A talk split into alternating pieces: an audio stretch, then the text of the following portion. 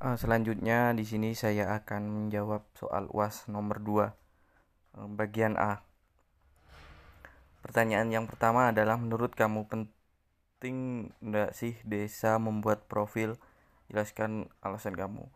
Uh, menurut saya itu sangat penting karena membuat profil desa itu adalah menggambarkan bagaimana desa itu sendiri dan dapat dipublikasikan agar masyarakat luas bisa melihatnya bagaimana desa itu dari luar tanpa harus melihat langsung ke desa itu sendiri.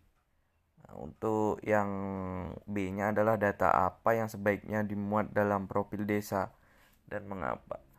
Data ini seperti jumlah penduduk desa, terus penghasilan desa, terus pendapatan desa dan lainnya.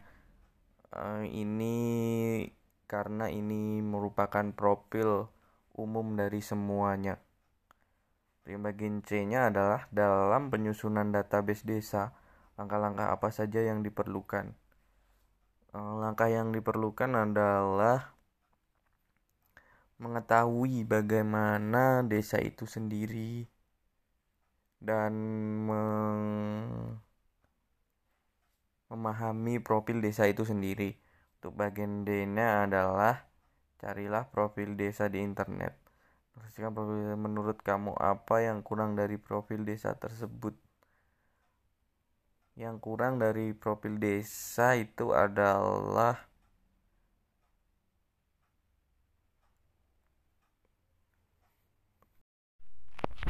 Di sini saya akan menjawab pertanyaan soal UAS nomor 3 yaitu tentang kegiatan tahapan penyusunan RPJM desa yaitu yang pertama pembentukan tim penyusunan RPJM desa, yang kedua yaitu penyelarasan arah kebijakan pembangunan kabupaten atau kota. Yang selanjutnya yaitu pengkajian keadaan desa. Yang selanjutnya yaitu penyusunan rencana pembangunan desa melalui musyawarah desa. Yang selanjutnya ialah penyusunan rencana RPJM desa. Terus yang selanjutnya ialah penyusunan RPJM desa itu sendiri. Dan untuk yang bagian B-nya adalah penyusunan dokumen desa itu sendiri adalah harus meliputi dokumen-dokumen penting yang ada di desa itu sendiri. Saya di sini akan melanjutkan menjawab soal UAS nomor 4 uh, eh, yaitu adalah tentang BUMDes.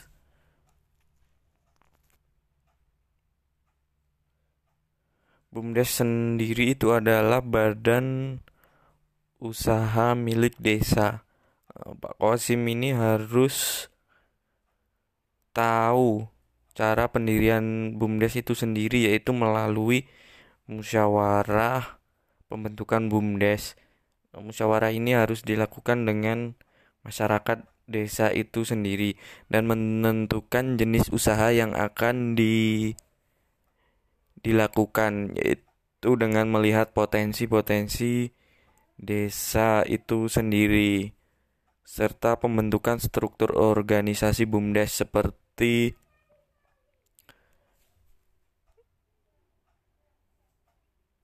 surveyor dan sekretaris bendara dan ketua serta pengurus BUMDes itu sendiri. Dan Pak Kosim sendiri harus mengetahui apakah dengan didirikan BUMDes itu sendiri dapat meningkatkan perekonomian desa atau tidak atau memberikan kesejahteraan bagi masyarakat desa itu sendiri atau tidak. Uh, di sini saya akan coba menjawab soal UAS nomor 5 yaitu tentang BUMDes pilar kekuatan ekonomi Indonesia. Nah, di sini saya akan memberikan komentar adalah memang negara Indonesia itu terkenal dengan desanya. Dan sebagian besar desa-desa di Indonesia ini sudah memberikan kontribusi pendapatan asli daerah ke negara Indonesia. Eh, ini meliputi pajak dan lain-lainnya. Menurut saya ini memang sangat sangat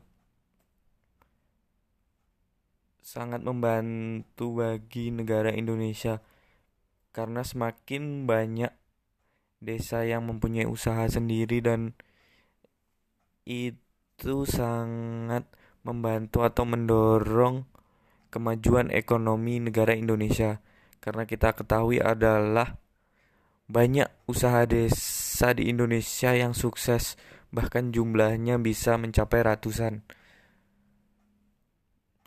Tentu ini mempengaruhi pendapatan negara itu sendiri. Eh, kalau disebutkan adalah BUMDes adalah pilar negara Indonesia ini tentu sangat sangat sesuai dengan apa yang terjadi di Indonesia itu sendiri.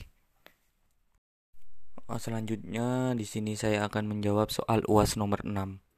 Bagian A yaitu sebutkan dari mana sumber sumber pendapatan desa. Pendapatan desa itu meliputi banyak hal yang terutama adalah dari penerimaan hasil pajak. Pajak ini sendiri berupa pajak kendaraan serta pajak bumi dan bangunan. Yang selanjutnya yaitu pendapatan dari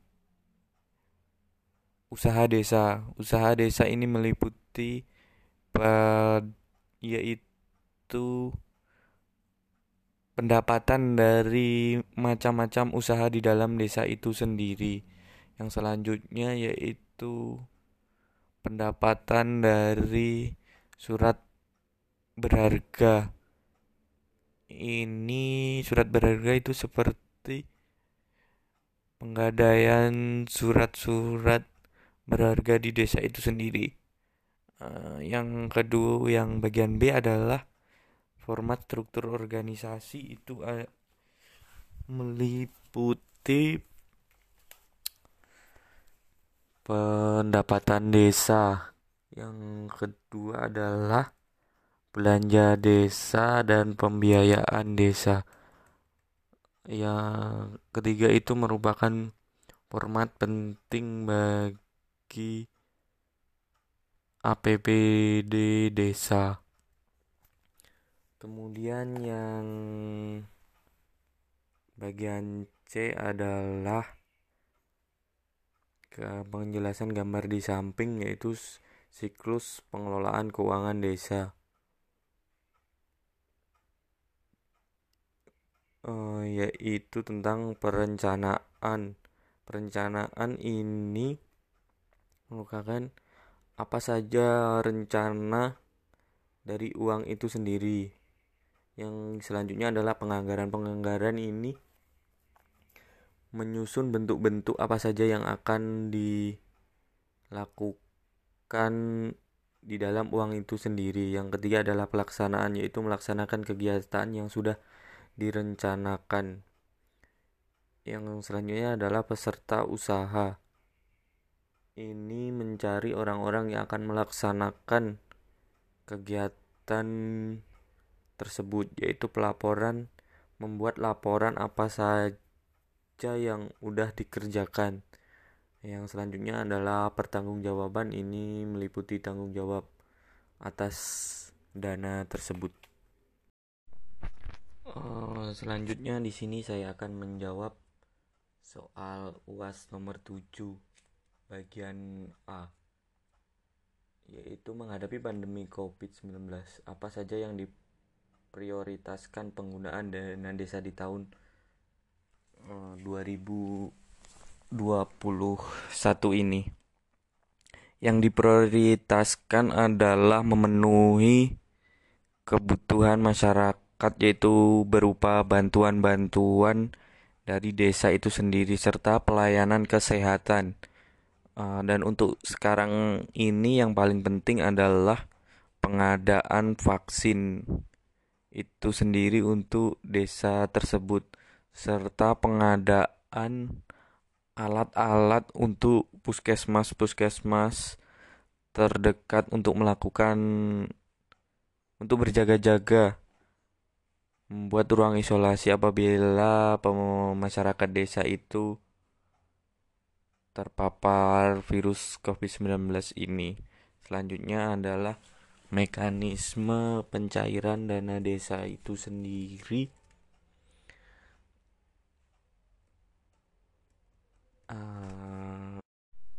mekanisme perayaan dana itu sendiri adalah penyusunan anggaran desa yaitu paling pada bulan pertama akan pada tahun pertengahan itu maksudnya akan diberikan pencairan dana desa sebesar 50% dan selanjutnya adalah bertahap. Yang bagian c adalah apa saja yang menjadi pertimbangan pemerintah dalam mengalokasikan besaran dana desa. Besaran dana desa untuk setiap desa jelaskan. Pertimbangan pemerintah ialah untuk memajukan pariwisata apabila di desa itu sendiri udah terdapat pariwisata itu akan memberikan besaran besaran tersendiri untuk desa itu dan untuk membuat pariwisata di desa itu sendiri lebih maju dan untuk desa yang belum terekspos ini pemerintah akan mengusahakan untuk membangkitkan suatu identitas desa itu sendiri dengan mengalokasikan dana yang relatif besar juga. Kemudian untuk bagian D-nya adalah Perbedaan dana desa dan alokasi desa yaitu terdapat pada sumber dananya. Dana desa itu sendiri bersumber dari APBN, sedangkan alokasi dana desa ini bersumber dari APBD, yaitu minimal sebesar 10% dari dana alokasi umum ditambah dana DBH.